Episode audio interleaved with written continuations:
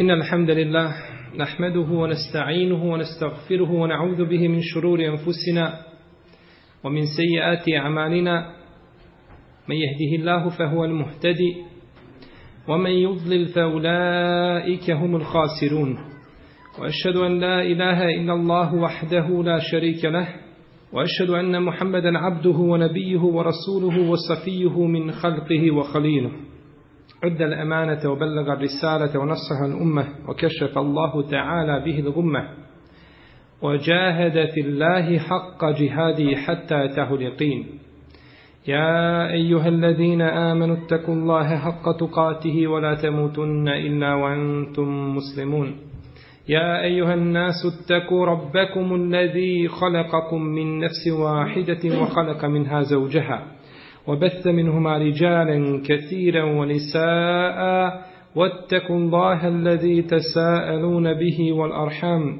إن الله كان عليكم رقيبا يا أيها الذين آمنوا اتقوا الله وقولوا قولا سديدا يصلح لكم أعمالكم ويغفر لكم ذنوبكم ومن يطع الله ورسوله فقد فاز فوزا عظيما أما بعد فإن أحسن الكلام كلام الله وخير الهدي هدي محمد صلى الله عليه وسلم وشر الأمور محدثاتها وكل محدثة بدعة وكل بدعة ضلالة وكل ضلالة في النار Mi ćemo uz Allahu Tebarak i Avtala pomoć na nas početi sa jednim novim poglavljem koga smo već prethodno najavili a to je poglavlje Mezija Ova riječ mezi, a vidjet ćemo što ona znači, u arabskom se jeziku može izgovoriti na tri načina. El mezi, el mezi, el mezi i el mezi. Znači da bude na zaru ili kesra ili sukun, a da na kraju ja bude ili slobodno ili sa teštidom.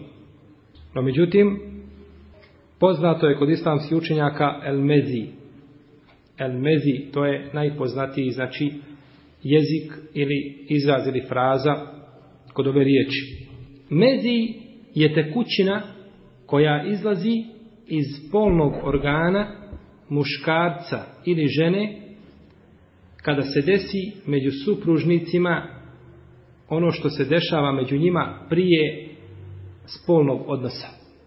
Kada iziđe, znači, tekućina iz spolnog organa koja se dešava u predigri ili slično tome, ona se naziva mezi.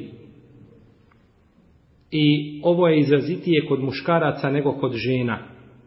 Pojava, znači mezi je izrazitija kod muškaraca nego kod žena. I bitno je naglasiti da čovjek ne osjeti, ne osjeti izlazak mezija. Ne osjeti to za razliku od žena menija, od sperme, koju osjeti. Dok izlazak, znači mezije, ne osjeti čovjek, nego samo to može, samo to može vidjeti. Autor je u ovome poglavlju spomenuo šest hadisa. Šest hadisa o kojima ćemo mi, inšalahu teala, govoriti. Hadis po hadis. Oni se tiču mezija i drugih stvari koje izlaze iz spolnog organa. Prvi hadis koga je spomenuo autor jeste predaja od Alije ibn Abi Taliba radijallahu ta'ala anhu da je rekao Kuntu ređulen mezza'a فاستحييت أن أسأل رسول الله صلى الله عليه وسلم لمكان ابنته مني فأمرت المقداد الأسود فسأله فقال يغسل ذكره وتوضأ وللبخاري اغسل ذكرك وتوضا ولمسلم توضا وانضح فرجك قال علي رضي الله تعالى عنه وهو يبردي bio sam čovjek mezaen kuntu ređulen mezaa bio sam čovjek koji, kome je puno izlazio mezi mezaen kome je puno znači izlazio mezi iz njegovog spolnog organa Pa sam se stidio poslanika sallallahu alaihi wasallame da ga upitam o tome. Stidio sam se da ga upitam o tome ili o propisu koji se tiče mezija. Pa sam naredio pa sam naredio El Mikdadu ibnul Eswedu da pita poslanika sallallahu alaihi wasallame kakav je propis. Pa je upitao poslanika sallallahu alaihi wasallame pa mu je rekao neka opere svoje stidno mjesto ili stidni organ i neka se abdesti. U predaji kod Buharije operi naredbeno. Operi stidno mjesto i abdesti se. A kod muslima abdesti se i popršći ili poprskaj po svome stidnom mjestu. Dakle, ovo je hadis Ali radijallahu ta'ala anhu u kome je naredio drugom ashabu, El Miktadu ibn Esvedu, da pita poslanika sallallahu sallam o propisu mezije. Prvo, u ome hadisu je spomenut Alija radijallahu ta'alanhu ashab. Jesmo li imali susreta sa Alijom? Nismo. Jednoglasno. Nismo. Nismo se susreli sa Alijom radijallahu ta'alanhu kao prenosiocom hadisa, pa nismo govorili o njegovoj biografiji. On je Alija ibn Abi Talib radijallahu ta'alanhu Ebul Hasan ili Ebu Turab, otac Hasanov ili otac zemlje. Otac zemlje. Kada bi se naljutio na Fatimu radijallahu ta'ala anhuma, izišao bi napolje i stavljao zemlju sebi na glavu. Pa je došao poslanik sa osanem pa bi znao šta je, pa kaže šta to radiš o Ebu Turab, šta to radiš o oče zemlje.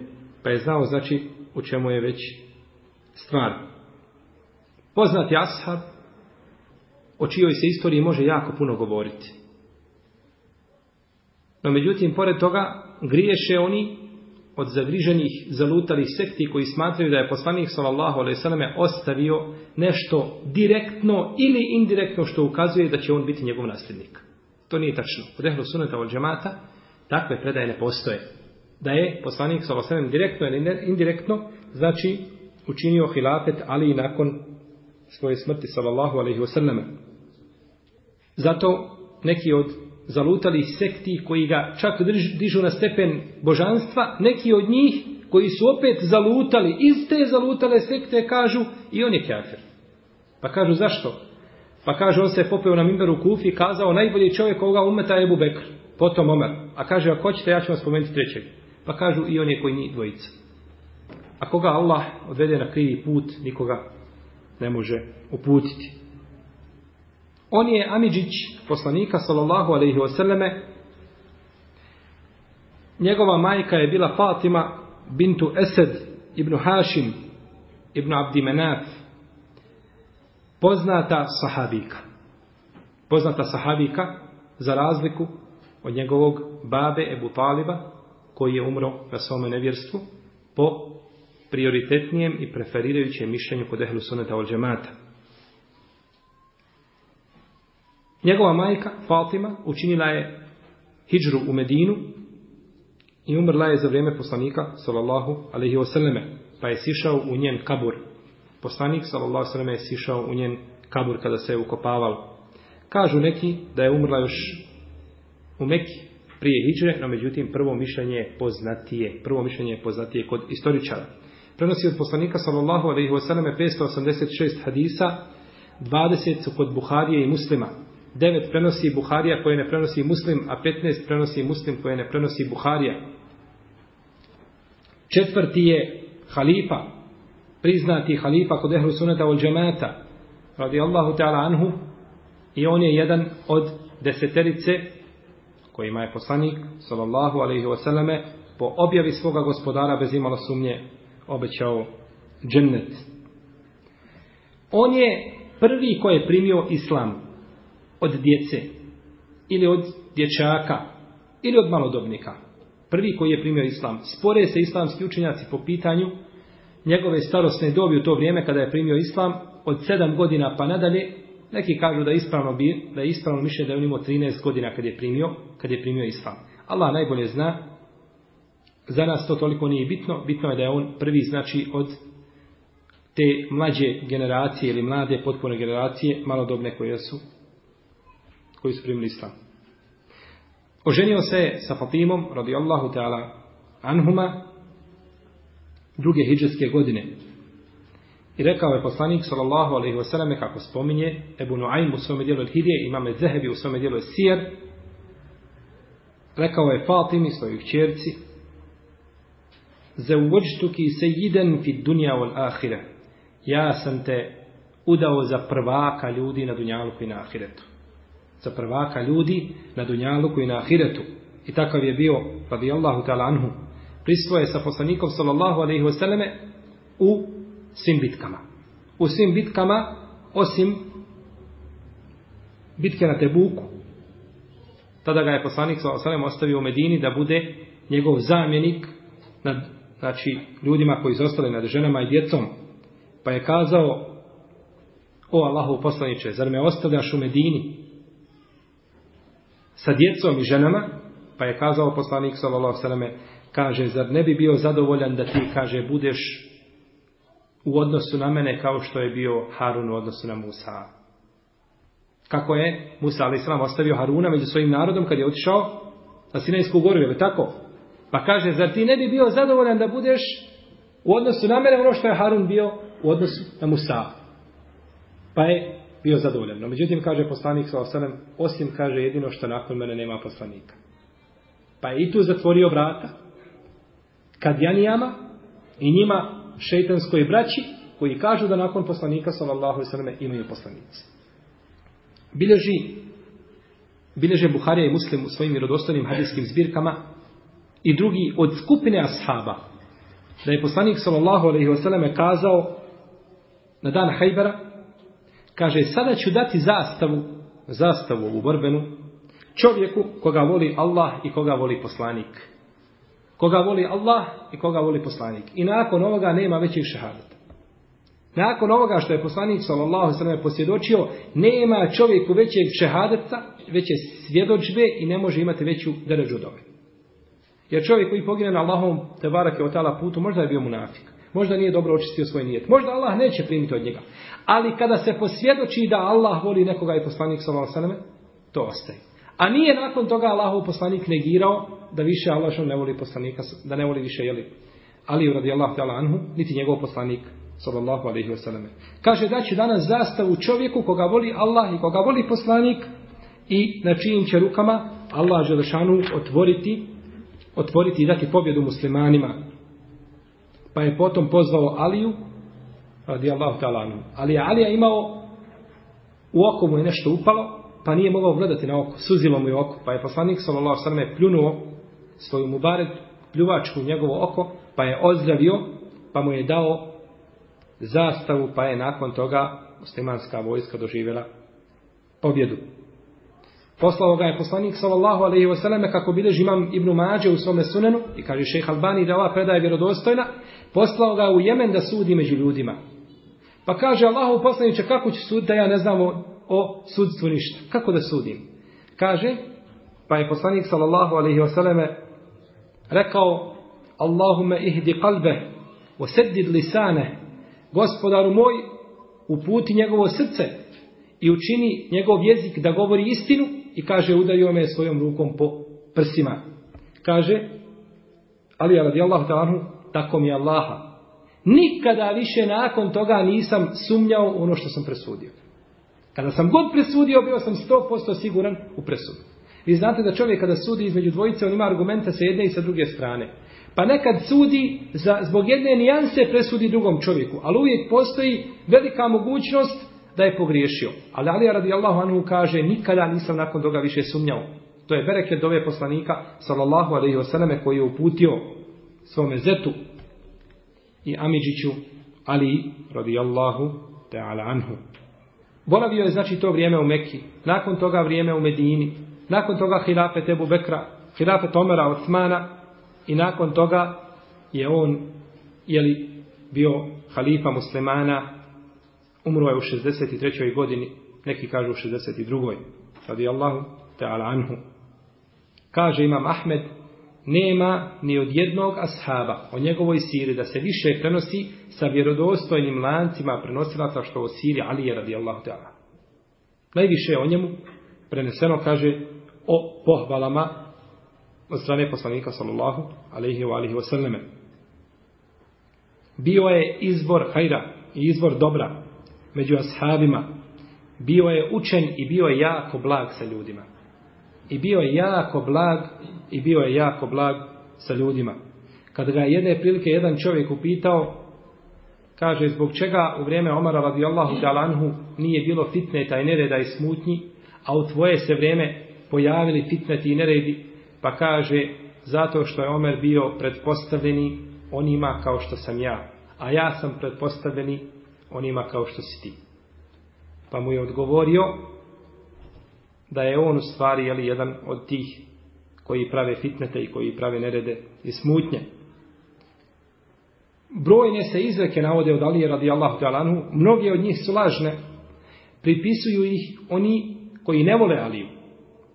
Govore da vole, a u stvari ne vole, pa izmišljaju na njega ono što nije kazao. Jedna od njegovih lijepih izreka iz tog mora koju je spomenuo, kako bilježi Ebu Naim u svome djelu Al-Hilije u prvom tomu na 75. stranici, kaže Ali radijallahu ta'ala anhu, nije dobro i nije hajr da imaš puno imetka, niti da imaš puno djece, već je hajr da kaže imaš puno znanja i hajr je da budeš blag, da budeš halim, da budeš blag sa ljudima, da ne budeš grub i kaže da se natječeš sa ljudima u ibadetu ne u dunjaluku, nego u ibadetu da se natječeš sa ljudima, radijallahu ta'ala anhu. Ovo je dakle samo jedna od njegovi izreka, a zaista su te izreke brojne, kako spominju, jeli, autori brojnih istorija. Ubio ga je Abdurrahman ibn Melđem, Al-Khariđi, Abdurrahman od Haridžijske skupine, koji su ga tekfirili, koji su ga smatrali nevjernikom, pa ga je ubio. Razilaze se islamski učenjaci gdje je njegov kabur. Velika su razilaženja, no međutim Allah najbolje zna da nema vjerodostane predaje na koju bi se mogli osloniti pa da kažemo njegov kabur je na tom i na tom mjestu. Ima različitih mišljenja na različitim mjestima u tadašnjem islamskom svijetu. Ženazu mu je klanjao njegov sin Hasan, radi pa Allahu te anhuma, i donio je četiri tekbira. Bio je jedan od najhrabrijih Arapa u svojoj vjeri. I kada se navodi primjer o hrabrosti, onda se spominje Ali radijallahu anhu. Kad se hoće navesti primjer o hrabrosti, onda se spomene ovaj časni ashab radijallahu ta'ala anhu wa anumihi. Ja sahib al hammi, inna al hamma mutmaridu, abšir bi khairin fa inna... Kada je poslanik sallallahu alaihi sallam činio hijđu, on je ostao u njegovoj posteli da žrtvuje svoj život. To je velika hrabrost. Da čovjek svoj život žrtvuje zbog poslanika sallallahu alaihi wasallame, a što je bila velika vjerovatnoća da će ga ubiti. Jer su došli da ubiju Allahovog poslanika, pa neće gledati ko je pod pokrivačem. No međutim, Allah je ono znajući smutnje i smitalice nevjernika, spasio je Ali radi Allahu ta'ala svega toga. Ovdje je bitno što glasi da imamo još osam ljudi koji prenose hadisa koji se zovu Alija ibn Abi Talib. Pa da neko ne bi vidio da Alija prenosi hadis od nekog tabina tamo, pa tabino drugog tabina, pa ovaj tego da sahaba reći kako to da Alija živi u to vrijeme. Imamo osam ljudi koji prenose hadise, a zovu se ovim imenom. Pa moramo znači znati o kome, o kome se Ali radi. Dobro. Nađemo u jednom lancu prenosilaca Aliju ibn Abi Taliba, u, koji je živio, na primjer, početkom drugog hiženskog stoljeća ili sredinom To nije sigurno Ali ibn Ebi Talib ovaj, o kome govorimo Asab. To je jedan od one sedmerice drugi. Ili osmerice drugi. Kako ćemo znati koji je od njih? Kaže se Ali ibn Ebi Talib, prenosi od toga i toga, taj od toga i toga. Kako ćemo mi znati koji je Ali ibn Ebi Talib? Možda je neki vjerodostojen i poznan od drugi nije. Ko zna? Ne, ne, ne, ovaj Alija prenosi od Tabina. Nisu isto vrijeme. Kako ćemo mi znati koji je? Ako rađeš trojicu da živjelo isto vrijeme, kako znat koji je? Nema to veze s poslanikom sa osam. Jednostavno, znaćemo da vidimo od koga on prenosi. Jer nisu taj Ali ibn Abi Talib, jer kad dolazite do ravija i prenosioca, imate svaki ravija od kojih je ljudi prenosio. Pa vidite taj Ali od koga je prenio. Možda su dvojica Alija prenijeli od istog čovjeka. Onda gledate ko prenosi od njega. Pa se jako rijetko može pokopiti da dvojica sa istim imenom prenose od istih ljudi potporu. Jeste. Pa se onda zna, znači, o kome se Ali radi, pa da se izbjegne, znači, ova nesuglasica koja može nastati ili po pitanju prenosioca hadisa. U ome hadisu spominje se Alija. I ko se još spominje? El Mikdad ibn Esod. I on je Asfar. Kaže, naredio sam mu da pita, pa će mu nešto kazati o kome? El Mikdadu ibn Esodu, radijallahu ta'ala anhu. On je El Mikdad ibn Amr ibn Salebe, El Kendi. Prisvojao sa poslanikom, sallallahu alaihi wasallame, u svim bitkama i bio je po konsensusu učenjaka konjanik na dan bedra. Na dan bedra smo imali koliko konjanika? Dva. Dva smo konjanika imali na dan bedra. Dva konjanika. Jedan od njih je po konsensusu u Leme bio El Mikdad ibn Lesud. A u drugom postoje razilaženja, pa neki kažu da je drugi bio Zubeir, i onda razilaze se da li on bio, bio neko drugi, ali je sigurno jedan od njih bio El Mikdad ibn Lesud. Prenosi od poslanika sallallahu alejhi ve selleme 42 hadisa, jedan bilježi Buharija, a tri bilježi Muslim. O kada govorimo spomnjemo što se tiče dva sahiha, a naravno ostali hadisi po sunenima, po musnedima, po meađimima i po drugim sporednim hadiskim zbirkama. Ukopan je u Medini, dženazu mu je klanjao Osman radijallahu ta'ala anhu 33. hiđarske godine. Kaže Bureide, rekao mi je poslanik sa Osram ili naredio mi je poslanik sa Osram da volim četvoricu ljudi. Aliju, Ebu Zara, Sulejmana ili Salmana, Salmana El Farisiju i El Mikdada. Da volim četvoricu. Aliju, i Ebu Zara, i Salmana i El Mikdada. Pa su ovdje ome hadis spomenuti ko? I Alija i, i El Mikdada. Oba dvojica spomenuti ome hadisu A oni su spomenuti, jeli, u našem hadisu o kome govorimo, hadisu medija. No, međutim, oko vjerozostojnosti ovoga hadisa postoji spor, neki ga smatruje ispravnim, neki slabim. U svakom slučaju, hadisi o pohvali El Mikdada su brojni. Spominje Ibnu Abdul Ber u svome dijelu El Istijab, Fimali Marifeti Ashab, da je poslanik sallallahu alaihi sallam čuo čovjeka kako uči Kur'an povišenim glasom pa je rekao Evvab on je Ewab. A Ewab je čovjek koji se puno vraća Allahu Đelešanu, koji je bogobojazan i koji pazi na granice svoga gospodara Tebara Keotala. A to je bio El Miktad ibn Eswad. Jednoga dana poslanik sallallahu alaihi sallam je govorio mušnicima i protiv njih govorio pa je ustao El Miktad ibn Eswad i rekao poslaniku sallallahu alaihi sallam o Allahu poslaniće kaže izađi kaže u bojbu na Allahovom putu i mi ćemo, kaže, biti s tobom, a nećemo kazati, kao što je rekao Musa u narodu Musi, ale i salam, izheb ili tedheb ente u robuke fe qatila inna hahuna qa'idun, idi ti i tvoj Bog, pa se borite, a mi ćemo, kaže, sjedite ovdje. To su oni čija je Allah srca zapečatio i koji ima pamet uzeo. Idi ti i tvoj Bog pa se borite, a mi ćemo sjediti ovdje. Kaže, mi nećemo biti tako nego kaže izađi Allahu poslaniče, a mi ćemo te pratiti i mi ćemo se sa tobom boriti. Kaže, pa je tada poslanik sa osam osmijehnuo se i bilo mu je drago kad je čuo ovoj riječ, jer je očekivao podršku od muhađira i ensarija.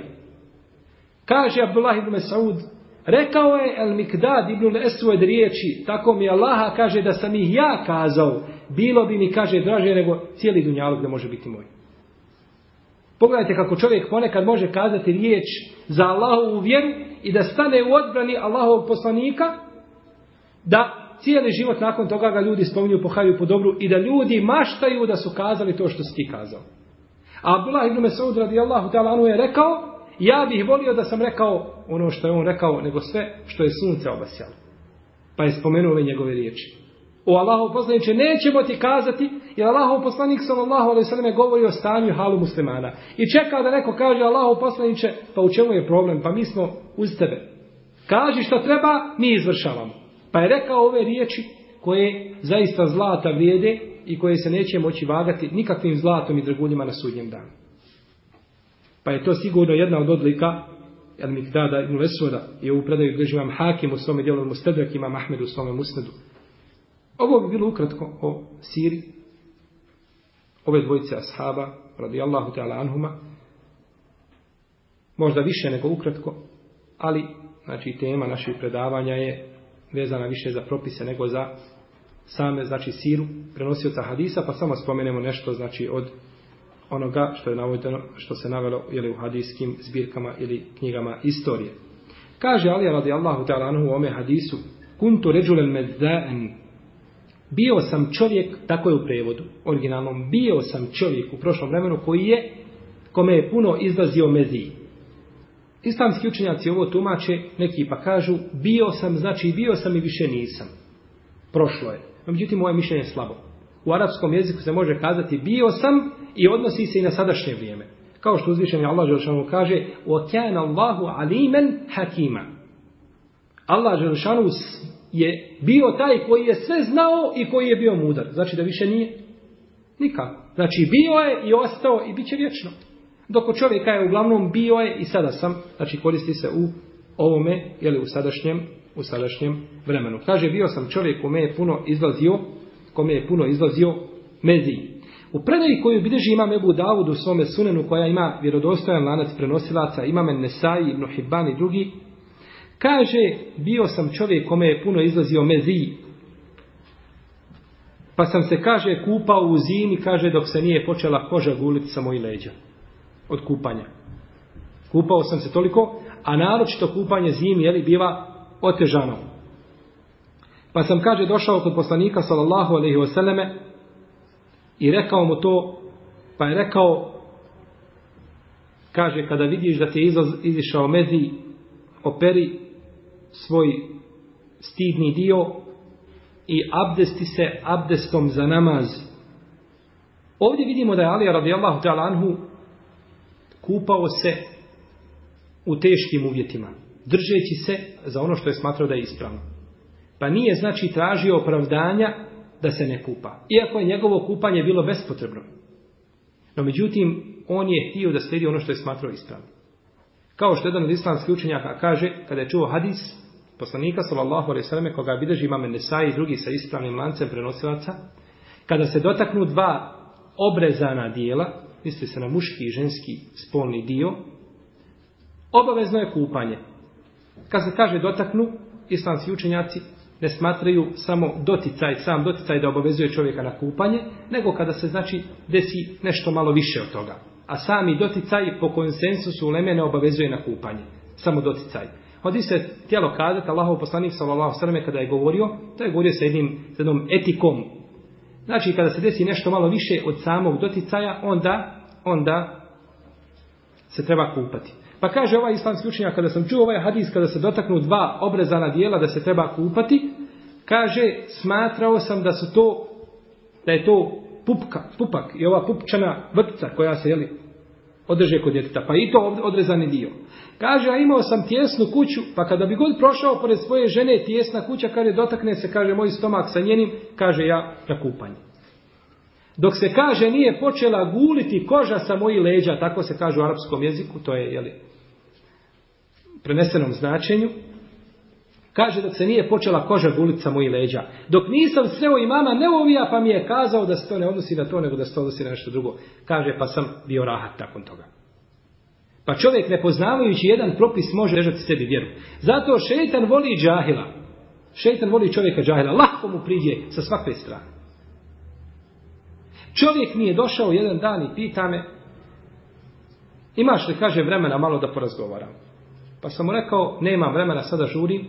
Kaže, nema problema, kaže, ja neću klanjati, kaže, dok ne nađeš vremena. Kaže, ja ostanem, kaže, namazi, ostanem, kaže, vjeru, kaže, dok ne nađeš vremena. Pa sam rekao, imam vremena. I previše bujrum. Reci o čemu se radi. Kaže, radi se, kaže, o tome da ja imam, kaže, problema sa vesvesama. Imam problema sa vesvesama i kaže, ja se dugo kupam. Pa koliko se kupaš? Kaže, kupam se 6 sati. Dođem, kaže, na večer u osam kući posle jacije, zimskom periodu, i kaže, kupam se do dva po ponoći. Pa dobro, reko, kako se kupaš? Kaže jednostavno, kaže, ja se okupam sam, i onda kaže, smatram, kaže, da je na meni, kaže, bilo nečistoće. Dobro, razumijem. Kaže, pa je ta nečistoća prilikom kupanja prskala po, je li onome tušu, kako je ograđen tuš, prskala. Pa kaže, onda sapiram tuš. Onda tušira, ili kupa tuš. Pa kaže, kada to uradim, kaže, onda je, kaže, nešto sa te strane prskalo na mene. Pa kada je opet sebe sapere. Pa međutim, kaže, kada sam sebe saprao, opet je prsto. I tako šest sati on se tušira. Abdest uzma dva sahata. Dva sahata uđe da uzma abdest. I kad uzme tavan, kad završi, ne, ne, kaže sada iz početka. I opet se vraća. Ovo vam znači govorim što sam čuo sa svojim ušilom čovjeka. I kaže, moja majka kada pere moju odjeću, kaže, ja je kontrolišen. Ona kaže stavi odjeću u mašinu i kaže istog momenta ja je kaže natiram da su svoju odjeću mora skinuti i staviti u mašinu pranje se mora ići kupati. Ona. Zato što je stavila njegovu odjeću da se pere, koja on smatra da je nečista, pa je dotakao nju, pa je nečistoća prešla na nju, na njenu tijelo, na njenu odjeću, pa se ona sva mora, mora jadnica trpiti njegov, njegov džehl, njegov nezanjive svese koje ima. I tako pričao mi još stvari koje, subhanallah, bolje im sada i ne pričam kada vidi u kakav, u kakav džehl može musliman da upadne i kako šeitan da ga može, može da ga odradi i da čovjek na kraju kaže ja ću kaže ostaviti vjeru. Ja kaže neću više klanjati jer ja kaže ovo ne mogu više podnijeti. Ja vjerujem da ne možeš podnijeti. I sigurno normalan čovjek to ne može podnijeti. I za normalna čovjeka to nije vjera i zato nam to Allah nije propisao. Nego nam je propisao vjeru lahkom i jednostavno. Pa je on sam sebi otežao i nakon toga došao u stadi da hoće da iziđe iz Allahove vjere. Subhanahu wa ta'ala. Pa je džehl drag šeitan. I on voli čovjeka da ga zavede sa te strane i da mu oteža vjeru. Pa je ovdje, ali je radi Allah talanu kupao se i zimi. I u teškim uvjetima. Čovjek uvijek nije jednostavno da ugrije vodu i sliče o tome, našto u njihovo vrijeme. Pa je rekao poslanik sallallahu alaihi sallam, nemoj to, kaže, više činiti, već je dovoljno da opereš svoj spolni organ i da se abdestiš nakon toga. U predaji koju bilježi imam El Bejherpe, od Ibnu Đuređa, od Ata, kaže da je Ali, radijallahu talanu, čak fitil stavljao u svoj mokračni kanal da mu ne izlazi mezi. Toliko je mezi izlazio iz njegovog tijela da je morao fitil koristiti da ga stavlja, znači da zatvori izlazak i da spriječi izlazak mezija. Što svakako nije šarijatom propisano, jer to čovjeku izaziva mnoge bolesti, i može da ima znači ovaj problema nakon toga, već jednostavno učini ono što je Allahov poslanik sa osam. I pogledajte uput Allahov poslanika. Svi ti problemi, toliko mezi izlazi da mora piti ili stavljati u, u mokrišni kanal, ali mu kaže poslanik sa osam, kada nešto vidiš, kaže operi svoj spolni organ, jaci. Subhanallah, vjere i dina. Nije nas opteretio Allah Jušanu ničim. وَمَا جَعْلَ عَلَيْكُمْ فِي الدِّينِ مِنْ حَرَجِ I nikakve vam potiškoće u vjeri načinio nije. Nikakve. فَسْتَحْيَيْتْ Pa sam se stidio pitati poslanika sallallahu alaihi wa sallame. فَسْتَحْيَتُ فَسْتَحْيَيْتُ Jedno i drugo može, ali prvo ispravnije. فَسْتَحْيَيْتُ Stidio sam se da pitam poslanika sallallahu alaihi wa sallame. I stid je, braće u islamu, dio imana. Stid je ograna kod imana. I stid je nešto veliko u islamu. I stid je kod čovjeka veliki, ali je kod žene veći. Čovjek svojim stidom dobiva deređu kod Allaha. Ali žena svojim stidom dobiva deređe i deređe. Pa je stid kod žene veći fadilet i veća odlika nego kod muškarca. Kaže poslanik sallallahu alejhi ve selleme u predaji koju bilježi imam Buhari ima Mahmed i da lem testahi fasna ili tefa'al ma shit. Ako se ne stidiš, radi šta hoćeš. I zaista, ko se ne stidi, šta da mu govoriš? Ko nema stida i srama, šta da mu kažeš? Radi šta hoćeš.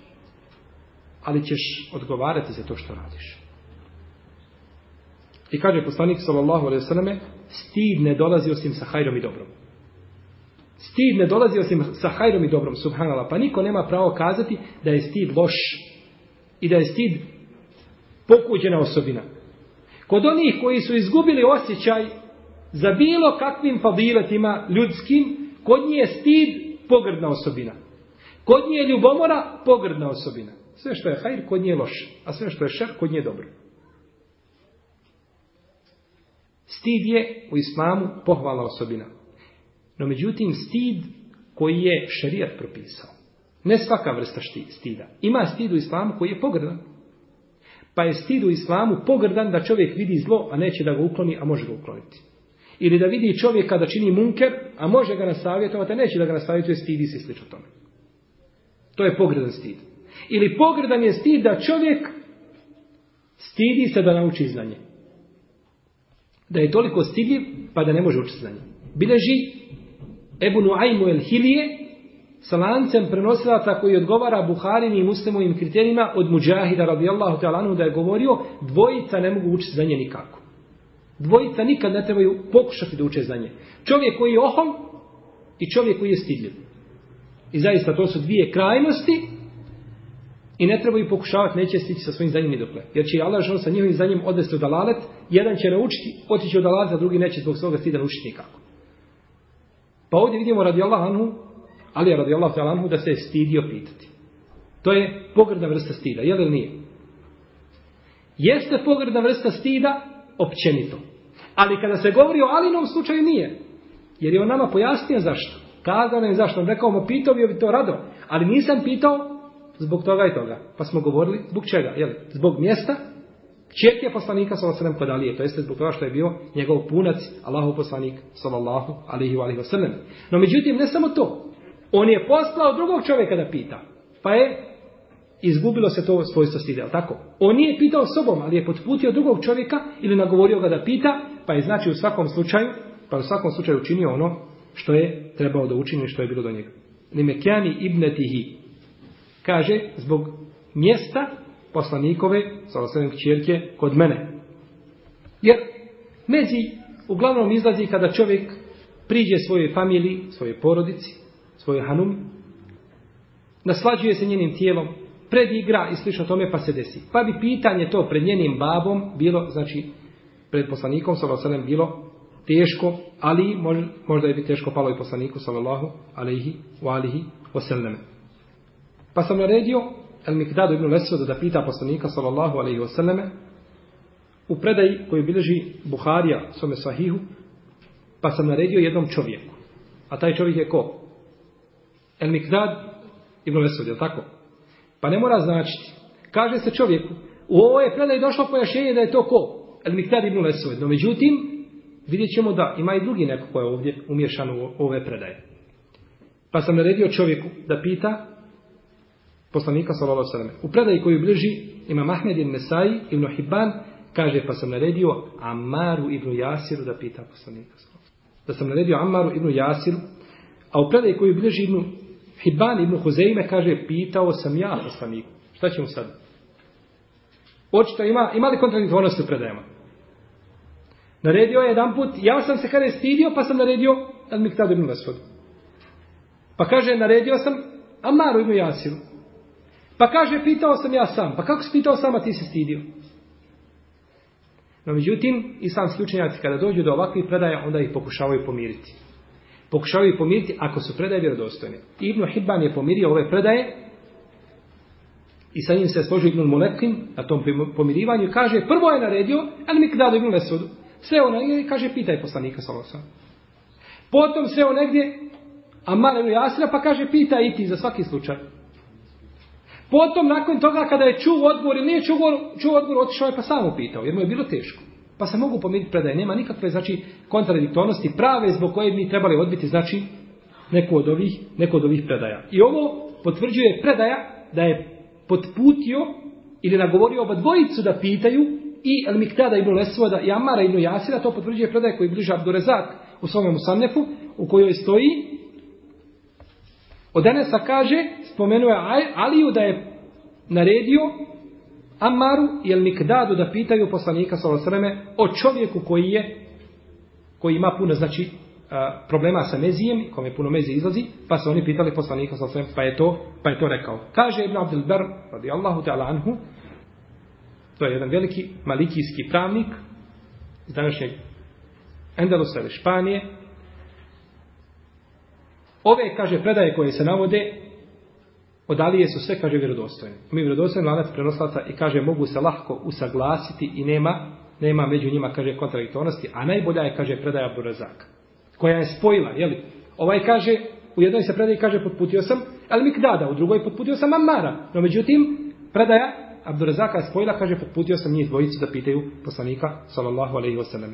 U predaji koju obileži Rame Hrumzi, u svome dijelu El Muhaddithu Fasil kaže se sreo me je poslanik sallallahu alaihi wasallam jednoga dana a ja kaže sam pobledio Ra'ani šahiba vidio me kaže sam sam bio pobledio pa me je pitao zbog čega si blijed o Alija pa je rekao Allahu poslaniče tako i tako mi se dešava Toliko je sebi otežao Ali radi Allahu ta'ala da je pobljedio samo od kupanja. Jer treba za svaki namaz čovjek da se kupa najmanje. Pa možete zamisliti pet puta da je čovjek obavezan da se kupa dnevno. Ko bi to izdržao? Pa je rekao poslanik sa osrem zbog čega, kaže zbog mezija, kaže nemoj, kaže kada se to desi, onda samo operi svoj spolni organ i uzmi abdest ili obnovi svoj abdest. Dalje se kaže u ovoj predaji u jednoj verzija kod imamo muslima koji su spomenuli na početku hadisa وَنْدَحْ فَرْجَكْ i popršći svoje stidno mjesto. Ko će mi kazati kakva je razlika između ovoga i prešnji predaje? Peri popršći, velika je razlika, tako? Jer kad popršćeš nisi oprao. No međutim, kažu islamski učenjati ovo popršći smatra se šta? Oper. Jer se u arabskom jeziku dođe, tako dođe riječ, znači da popršćem odjeći, to znači da opereš. Znači da dođe vode malo do nje, jeli? Pa je, pa je ovdje, jeli, prskanje u smislu pranja. Znači može jezički biti tako, a kada i ne bi jezički bilo tako, onda bi ova prijašnja predaja, šta, protivsirla ovu. Jer je pranje vrše nego prskanje, pa ti uvijek moraš ići na ono što je više i na ono što je, na ono što je veće. Jer ono što je veće obuhvata ono što je niže. A ono što je niže ne obuhvata ono što je veće, je tako? Na, kada poslanik sallallahu alejhi ve kaže ko klanja namaz u džematu ima 25 nagradu 25 deređa. U drugoj predaj Šta ćemo raditi? Ima 25 27. 27. Jer kad kažemo, kad kažemo 27, onda smo kazali ujedno i 25, jel tako? Jer 27 obuhada 25, ali kažemo 25, nismo kazali po drugom hadisu. Tako isto i u ovome slučaju. Tako isto i u ovome slučaju što se tiče, znači, što se tiče pranja. Kaže poslanik sa osram dalje u ovoj predaji, jagsil zekerahu, opraće stidno mjesto. Ovdje opraće nije došlo u naredbenom obliku opraće stido mjesto. Znači nije naredba. Znači može čovjek da ne opere, jel tako? Jer ako nema naredbe, onda je to samo sunnet. No međutim, to je pogrešno tako kazati. Jer ponekad u arapskom jeziku, arapski jezik je takvu belagu ima i stilistiku da se može nešto kazati u sadašnjem vremenu, a cilja se naredba. I to je da bi se čovjeku ljepše obratio. Mi nećemo, na primjer, kada kažemo, na primjer u knjigama, u fusnotama, vidi to i to djelo, to i tu sanicu. Vidi je naredbeni oblik, je li tako? Nekome naređuješ vidi. No, vidjeti kada kažeš vidjeti. Je li to blaže? Kako nije vidjeti? To je kao nasihat, vidjeti tu i tu knjigu. Ili uporediti tu i tu knjigu, ali nisi kazao uporedi ili vidi, tada si mu već naredio. Pa je to blaži izraz. Pa se ovdje isto kaže, opraće se stidom mjesto, misli se na nared. Uzvišen je Allah Želešanu kaže, وَالْوَالِدَاتُ يُرُدِعَنَ I majke doje. Naredba, naredba je za dojenje. Wal mutallaqatu yatarabasna. I razvedene neka sačekaju. Ili razvedene čekaju. Ali to je neka sačekaju. Selase te kuru. Wal mutallaqatu yatarabasna bi anfusihinna selase te kuru. A žene koje su pusne, puštane, čekat će sobom tri kurua. Tri kurua. Ili tri mjesečna pranja, ili tri Znači, čista perioda s odno razjeloženju među islamskim učenjacima. Pa je ovdje došla, došao je znači sadašnji oblik, sadašnji oblik, prezent, a sa njim se misli šta? Imperativ. Naredbeni, misli se naredbeni oblik. O mu'mine, brate moj, govorim ti dobro čuj. O mu'mine, brate moj, govorim ti dobro čuj. Dragom Rabbu Rabbu ila ilaha illallah Dragom Rabbu Rabbu ila ilaha illallah Čatin čata čekati, u Kabul se spustiti, zatim će te pitati, la ilaha illallah. Zatim ćete pitati la ilaha illallah. Iz ovoga se hadisa može zaključiti da nakon izlaska mezija nije obaveza kupanje i nema razilaženja među islamskim učinjacima. Svi su složni da nakon izlaska mezija nije obaveza kupanje.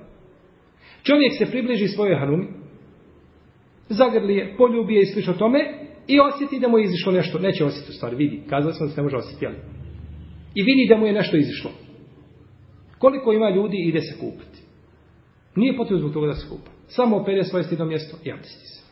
Ne treba sam sebi otežavati svoju vjeru. Samo se nakon toga abdesti. Jer to nije sperma, to nije izlazak sperma.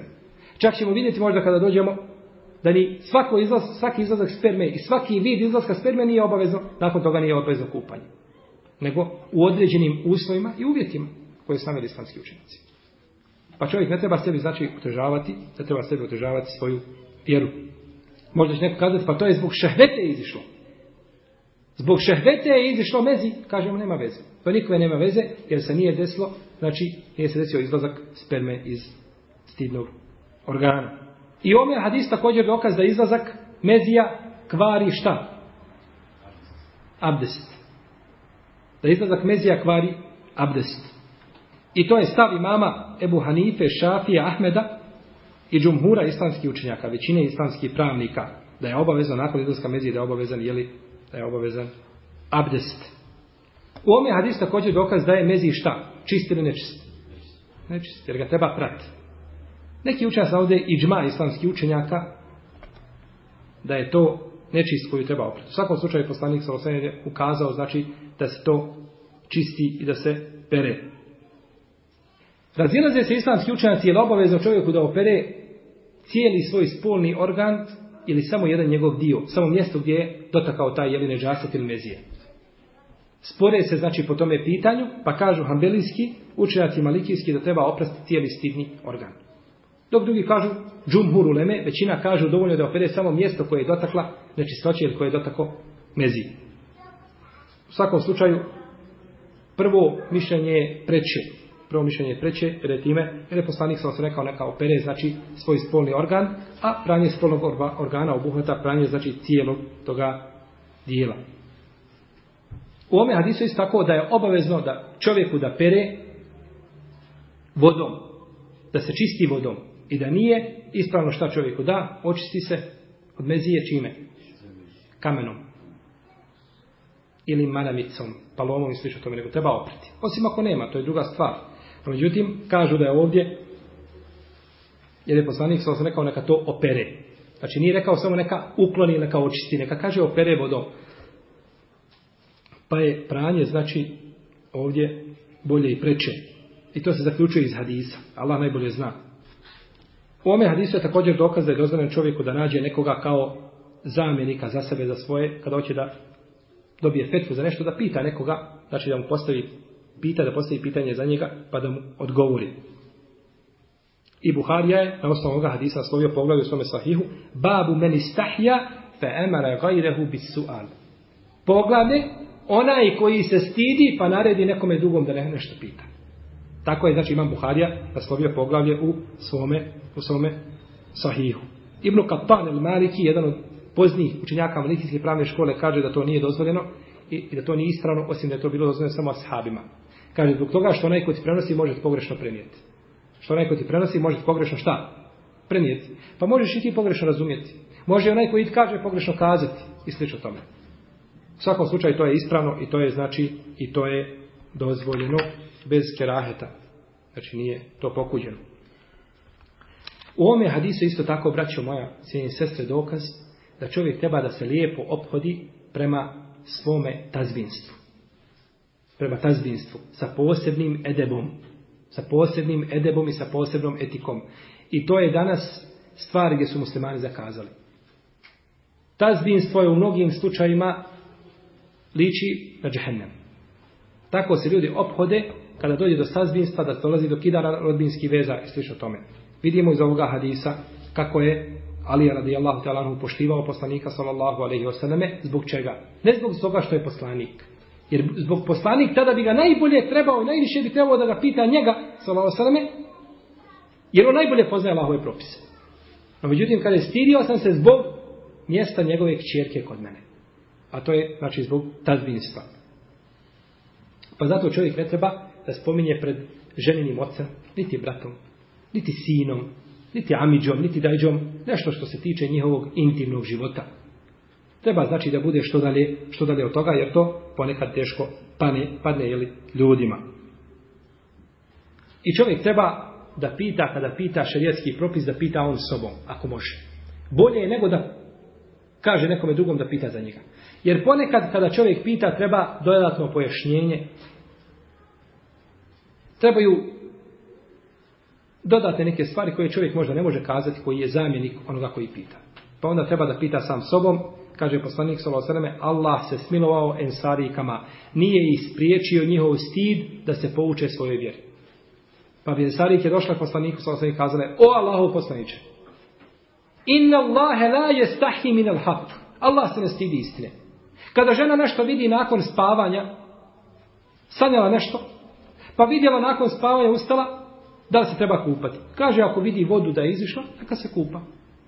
Ako ne vidi vodu, neka se ne kupa. Pa je došla sa jednim edebom, pa zato je pogrešno da ljudi kažu nema stida u vjeri. Allah je to neispravno. U vjeri je sam stid. I sva je vjera građena na stidu. Kako nema stida u vjeri? Nego kaži kako je rekao Allah šanu. Inna Allahe la istahi minil haq. Wallahu la istahi minil haq. Allah se ne stidi istine. Reci onda tako i tako. Tako znači treba kazati, a ne kazati u vjeri nema stida. U vjeri je sam stid i u vjeri je svaki stid. Isto tako ome hadisu je dokaz da ne treba čovjek da priča pred bližnjom svojom rodbinom, niti ženinom rodbinom, niti danjim ljudima, niti pred bilo kim o intimnim stvarima koji se vežu za muškarca i ženu. Osim ako je to, osim ako je to nužda. Kao što je u ovome slučaju. Pa je Aisha radijallahu ta'ala kazala kada trebaju supružnici da se kupaju. Kada je došao Seleme, bio sa ashabima poslanika sallallahu alejhi ve selleme u džamii, pa oni pričaju o tome kada treba čovjek da se kupa nakon kontakta muškarca i žene. Pa kaže Mo Seleme, kaže, znaš ti kakav je tvoj primjer? Kaže, tvoj primjer je primjer jednog, kaže, pileta, koji je čuo, kaže, pjetla kako kukuriću, a ne zna, kaže, kukurikati, ali kaže, kukuriće sa njima. Pa je Seleme tad bio mlad, čuo ashabe kako pričaju nešto o kupanju, pa je došao da pita Aishu radi Allah talama o tome. Pa kaže, ti si takav i takav. Ali kaže, obavijestit će to propis, neće sakriti propis. Kaže, kada se čuva sam poslanika sallallahu alejhi ve da je rekao kada se spoje dva obrezana djela treba se kupati. Pa je šara djela te ona poučila znanju. I znači to je dio intime. Ili da ona kaže tako, ili Allahu poslanik da kaže to ja činim sa ovom ovdje, kaže pa se onda kupam. To je bilo da pouči ashabe. No međutim, mimo toga ne treba govoriti jer su došli hadisi kod imama muslima koji ukazuju na pogrdu i na zabranu, da je to zabranjeno, da je haram, da čovjek priča znači nešto o svojoj intimi, ako za tim nema nikakve jeli, potrebe, ako to nije nužno. Ovdje se zaključuje iz hadisa isto tako kada kažemo te vodda vondah perđek abdesti se i operi ili popršći svoj spolni organ. Znači prvo se abdesti pa onda operi. Je li tako? Tako došlo u hadisu. Prvo se abdesti pa onda operi. No međutim u arapskom jeziku kada dođe we ovaj veznik we on se razlikuje od te i summe. Pa kad kažemo dehale Muhammedun wa Ahmed, ušao je Muhammed i Ahmed, ne znamo koji je prvi ušao i ne znamo koliki je vremenski period između njih. Ne znamo. A kada kažemo dehale Muhammedun thumme Ahmed, ušao je Muhammed, potom Ahmed, onda je išao, ušao prvo Muhammed, a Ahmed nakon njega, koliki je vremenski period, ne znamo. Ali kad kažemo dehale Muhammedun fe Ahmed, ušao je Muhammed, pa Ahmed sa ovo fe nije sa ovo, onda to znači ušao je Muhammed i odmah za njim u stopu Muhammed. I to je preciznost arapskog jezika. A ovdje je rekao poslanik sa osnovim šta? Abdesti se i we wandah ferđek. I po pršći. Pa ne znamo šta je jedno prije drugog. Pa se vraćamo na druge predaje u kojima se spominje prvo šta pranje, operi svoje sino mjesto pa sabdesti. I riješen problem. Riješen jednostavno problem, znači kada se samo poznaje ova stvarnost. Neki malikijski učenjaci iz kasnije generacija kažu da čovjeku nije dozvoljeno da opere svoje stidno mjesto osim pred sami šta? Abdest. Jer kaže ovdje u prvoj verziji rečeno neka opere svoje stidno mjesto i neka se abdesti. Jer oni smatraju da u znači isto tako odma da se čini iza toga. No, međutim, to je slab mesheb, to je neispravan mesheb i to je slabije mišljenje. Ispravno je da može čovjek oprati, pa da se nakon toga abdesti, znači, nije vezano pranje sa abdestom, znači, nema nikakve, nema nikakve veze. Vidimo, znači, iz ovoga hadisa, da se mogu zaključiti brojne koristi vezane meziju, I to je ono što se čovjeku često dešava, pa je obaveza znači da se poznaju ovi propisi, da čovjek ne bi sebi otežao s jedne strane svoju vjeru ili da ne bi sa druge strane uskratio vjeri njen hak i pravo koje je pripada pa da ostavi nešto od propisa pa da ne daj Bože pokvari ili svoj namaz ili svoj post ili nešto od svojih ibadeta. Pa ćemo inša Allah ta'ala sa ovim završiti hadis Ali radijallahu ta'ala anhu a narednog puta ćemo govoriti o hadisu Zejda ibn Abdillaha radijallahu ta'ala anhu al-Mazinija koji je isto tako vezan za izlazak, znači nešto od onoga što izlazi jeli na jedan od dva otvora. Molit će Allaha tebara kao ta'ala da nas pouči našoj vjeri i ispravnom znanju sunetu poslanika sallallahu alaihi wa sallam i da popravi naša djela i djela naših porodica, naše stanje i stanja naših porodica da nas uvede u dženecka prostranstva sa našim poslanikom Muhammedom sallallahu alaihi wa sallam i njegovim ashabima Ebu Bekrom, Omerom, Uthmanom, Alijom i Muavijom radi Allahu ta'ala anhum iskrenim dobrim i šehidima a divni su oni društvo Allahu ta'ala alem i sallallahu ala nabina Muhammed wa ala alihi wa sahbihi ajma'in jazakum Allah Ovdje imamo par pitanja koji su nam pristigli internet mrežom prvo pitanje glasi mater mi je Hrvatica kada umre, da li mogu prisutovati sahrani i snositi troškove ukopa. Vjerojatno se misli da je onaj ko pita da je musliman, da je primio znači islam ili je ostavio, ostao na vjeri svoga babe ako je bio musliman i sliš o tome. Oko ovoga pitanja postoje razilaženje među islamskim učenjacima. Dozvoli, neki su dozvolili da se prisutuje sahrani i da čovjek znači okupa svoga bližnjeg i da ukopa, ukopa i sliš o tome ako je nevjernik. I to je jedno od priznatih mišljenja koliko sećam, učenjac Hanefijske pravne škole to dozvoljavaju i drugi. I o tome je bilo opširnije govor ako hoće da se vrati znači, na knjigu o dženazi, ima znači o ome pitanju, opširnije, opširnije se govorilo. Pristoj dženazi se može, Omer radijallahu talanu kaže neka ide ispred dženaze, neki kažu da nema smetnje da se ide iza i slično tome, neki kažu neka se izdvoji kada je budu spustali u kabur, znači da se izdvoji mimo toga, mimo, jeli, ono, mjesta znači gdje se ukopava, u svakom slučaju ne smije čovjek dobiti, ne smije dobiti svome umrlom bližnjem ako je nevjernik, ako je umro na svome kufru. Salamu alaikum, alaikum salam. Interesuje me da šejih pojasni propis uzimanja gusla za žene u situaciji kada dotični dotiša nosi platenice ili neki drugi vid uplitanja kose kako treba postupiti da se kosa raspričena da sala nagradi.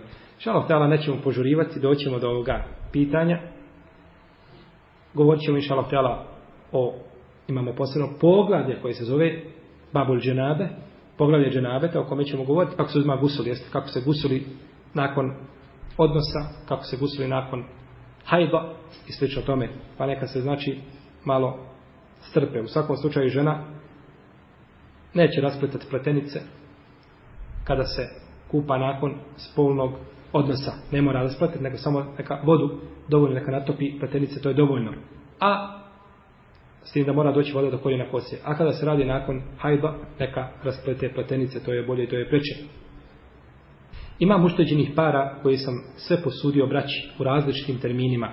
Kako da postupim kada dođe vrijeme da dajem zekijat, da li da dadnem na te pare zekijat? Ovdje se islamski učenjaci spore kada čovjek posudi muslimanu pare da li da daje zekijat na njih. Ako dadne imaće nagradu i to mu je bolje i preče. Ko može dati?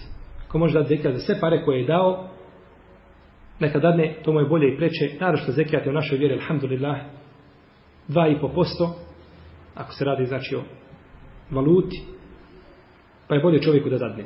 A ako ne dadne zekijat, i da ako mu čovjek neće vratiti pare u njegovom terminu, pa odgodi jedno vrijeme davanja zekijata, inšalav tela da neće biti odgovoran za to jer je davanje zekijata samo po sebi, cilj zekijata i izdravanje zekijata jeste da se pomogne musliman. A ako čovjek pozajmi svoje pare, u svakom slučaju pomogu je koga? Opet muslimana. Pa je opet cilj postignut. Pa čovjek koji mu ne može vratiti, mu ne vrati pare u terminu, ako ne bi dao zekijat, takav, takve pare imaju propis izgubljenog novca. Čovjek, na primjer, ima 10.000 maraka i ostavi ih, zaboravi gdje ih ostavio. Čovjek ima slabo pamćenje. Jedan naš brat kaže mi, Arab, Kaže, ja imam tako pamćenje, kaže, da nema namaza, da kaže, na drugom rekiatu ne znam da li sam prvi klanjao. To nemoguće je, kaže, na drugom da se sjetim da li sam klanjao prvi ili nisam. Jednostavno, kaže, šta god da čujem i šta god da kažem nakon, nakon par sekundi, kaže, ja sam sve zaboravio. I čovjek imao, na primjer, para i ostavio, i zaboravio gdje je i ostavio. Na, traži, ne može naći. Da li je čovjek dužan da na te pare daje zekijat? Neki kažu kada dobije, neka da za sve što je dobio. Neki kažu kada dobije, neka plati samo za god, zadnju godinu dana. Postoji spor među islamskim pravnicima. U svakom slučaju, ako ne dadne tu zekijat, nego tek nakon što pregodne, inša Allah, da nije griješan, da nije griješan, jer je te su pare u propisu izgubljenih para. Ili u para, u propisu para koje je neko oteo. Neko ti otme tvoj imetak i nakon deset godina ti ga vrati. Nisi dužan davati na njega zekijat ta svata para, da bi dao zekijat na nju, ti trebao da imaš te pare u rukama na raspolaganju pa da ih možeš šta? Obrtati. Da ih možeš umnožavati pa da nakon toga daješ zekijat, a ne da zekijat pojede i metak. Zekijat je došao da čisti metak, nije da ga jede. A u ovom slučaju ovako bi zekijat šta? Pojeo? Pojeo metak. Kada bi čovjek imao pare, ne zna raditi sa parama i daje ljudima muslimanima šta? Na služenje. Nakon izvom vremena naćiš da je on šta? Izgubio svoj metak. On dao muslimanima da se služe i taj njegov metak pojeo zekijat. Ovo je pitanje, peto. Imam namjeru da se ženim.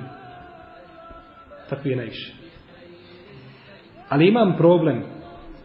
Otac od te cure nije u vjeri kako treba. Ne klanja, pije i tako dalje. Cura koju namjeravamo ženiti je pokrivena. Ali ona kaže da njen babo nikada neće biti za nas. Za naš brak. Jer ne želi da mu se čerka uda pod znacima navoda za vehabiju. I tako je najviše. Pa ne znamo šta da radimo, jer čovjek ne razumije vjeru kako treba, a čuo sam da nam treba njegova dozvala izvan za brak. Pa pitanje je da li može neko drugi biti mahrem za nju, mahrem, ne mahrem, nego velija. Ovo riječ mahrem treba zamijeniti sa riječi velija. Za nju, jer mahrem može biti i dajđa, ali ne može biti velija dajđa.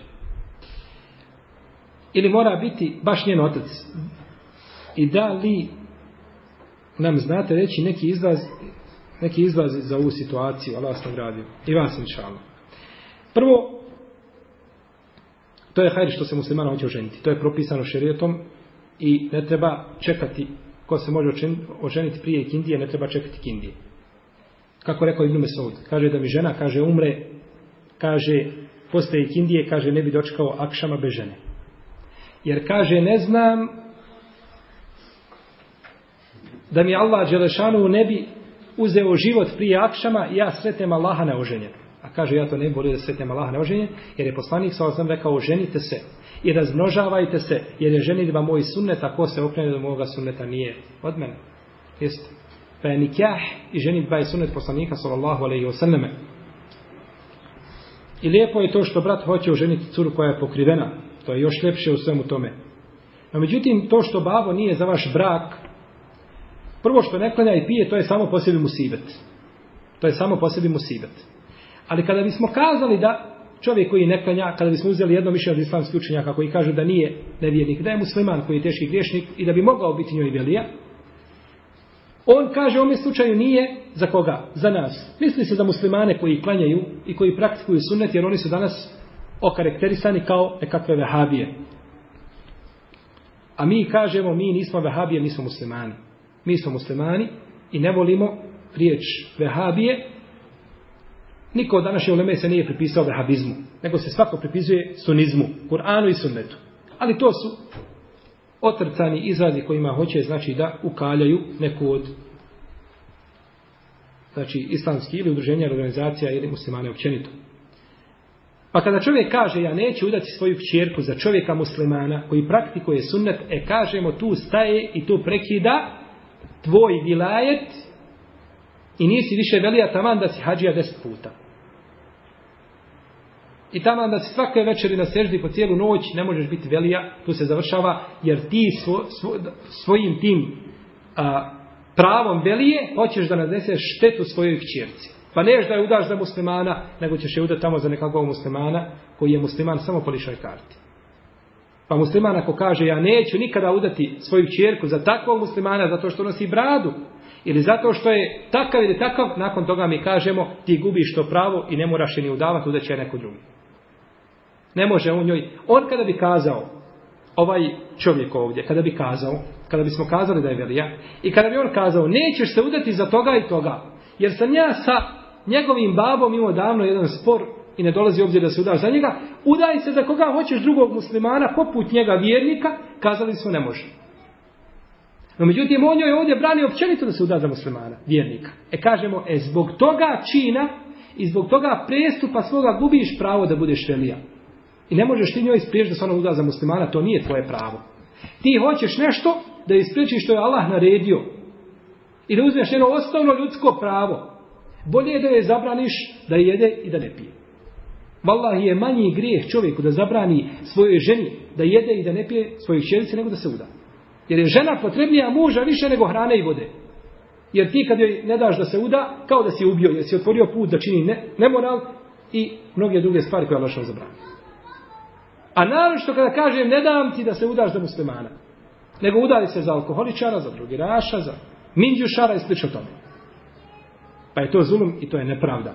Pa ovdje, ako njen babo tako otvoreno kaže nećeš, onda babo gubi pravo na to i neka se nađe neko od učenih ko će udati tu djevojku za tebe i inša Allah da nema smetnje i nije dovoljan babi, nije potreban babi nizom. Ako on se tako ponaša. Ako je rekao ne možeš ti, samo ti, drugi može, onda ne možeš. No, međutim, ako je rekao općenito, ne može musliman i ako bi imao i prema drugim muslimanima, vjednicima, isti tretman, onda, onda će se udati njegova kćerka bez njegove dozvole njegovog izuna, naći se neko od učenih ko će joj biti velija i ko će je udati. To je izlaz iz situacije, inša Allah. Assalamu alaikum. Dragi brate, u poslednje vrijeme dolazimo dosta u konfuziju, je li, kontradiktornost, nedoumicu. Koga slušati i čije kasete da dijelimo, od kojih daja, pa vas ovim želimo pitati koje nam daje, preporučujete, da slušamo i čije kasete da dijelimo Fisebilillah. Da li da i dalje dijelimo kasete od Hafiza Bugarija, Šukrije Ramića i Zuhdija Dilovića da vas Allah nagradi. Draže bi mi bilo da je ovo pitanje postavljeno bez imena, bez spominjanja imena. Jer se može cilj postići bez spominjanja imena. Sigurno je da u Bosni dolaze daje različitih profila i različitih poznavanja šerijatskih propisa i različiti menheđa. To je jasno i to je relativno bilo za očekivati, jer ljudi uče jedni u Saudiji, jedni u Jordanu, jedni u Egiptu. Neki odu pa završe negdje u Evropi, na nekim fakultetima i slično tome. Pa ljudi dođu, učili od različitih profesora i naučili različite pristupe određenim pitanjima. I potpuno je znači relativno očekivati, znači razilaženje. U svakom slučaju savjetujem braći da slušaju onoga kojim podkrepljuje mišljenja iz Kur'ana i Sunneta. Kaže Allah, kaže poslanik, kaže Osavi. Da ne bude bilo stanje, društvo, ljudi, okolnosti, lijevo, desno, sve samo da se izbjegne propis. Mi ne kažemo da u šarijetu okolnost nema svoje mjesto. Ima. Da ljudi i društvo nemaju svoje mjesto. Imaju. A ne možemo mi zbog ljudi i zbog društva uvijek menjati propise i vikati pa stanje, pa hal, pa kako ćemo, pa šta ćemo, pa lijevo, pa desno.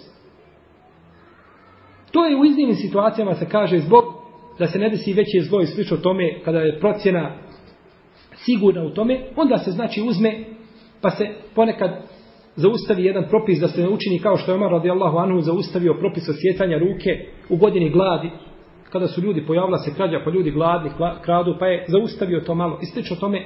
To su iznimne situacije. Ne možemo mi na osnovu toga, jer na, ako tako budemo gledali i rezervovali stvari, onda ćemo svaki za svaki širijetski propis naći gdje ćemo ga zaustaviti da kažemo stani pa ne može zbog zato što se onaj tamo iza brda ljuti ili gleda će to poprijeku i o tome. Pa se znači trebaju birati daje koje govore po Koranu i Sunnetu, takvi je danas daja po Bosni.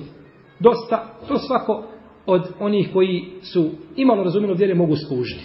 Ko priča po onome, no uđetim da čovjek izide tijelo predavanja, ja mislim, ja smatram, ja ovo, ja ono, pa digne sebe iznad iz islamskih učenjaka i iz možda iznad sunneta poslanika sa osanem, to sigurno nije zadovoljavajući menheđ koga ne treba širiti, nego treba čovjek znači slušati onoga koga poziva u Kur'an i sunnet, a ne pristrasnost i slijepo sljeđenje, bilo organizacije, bilo ustanove, bilo i šehul Islama Ibnu Tejmije, bilo Ibnul Kajima, bilo imama Ahmeda, bilo Ebu Hanite, bilo koga od učenjaka.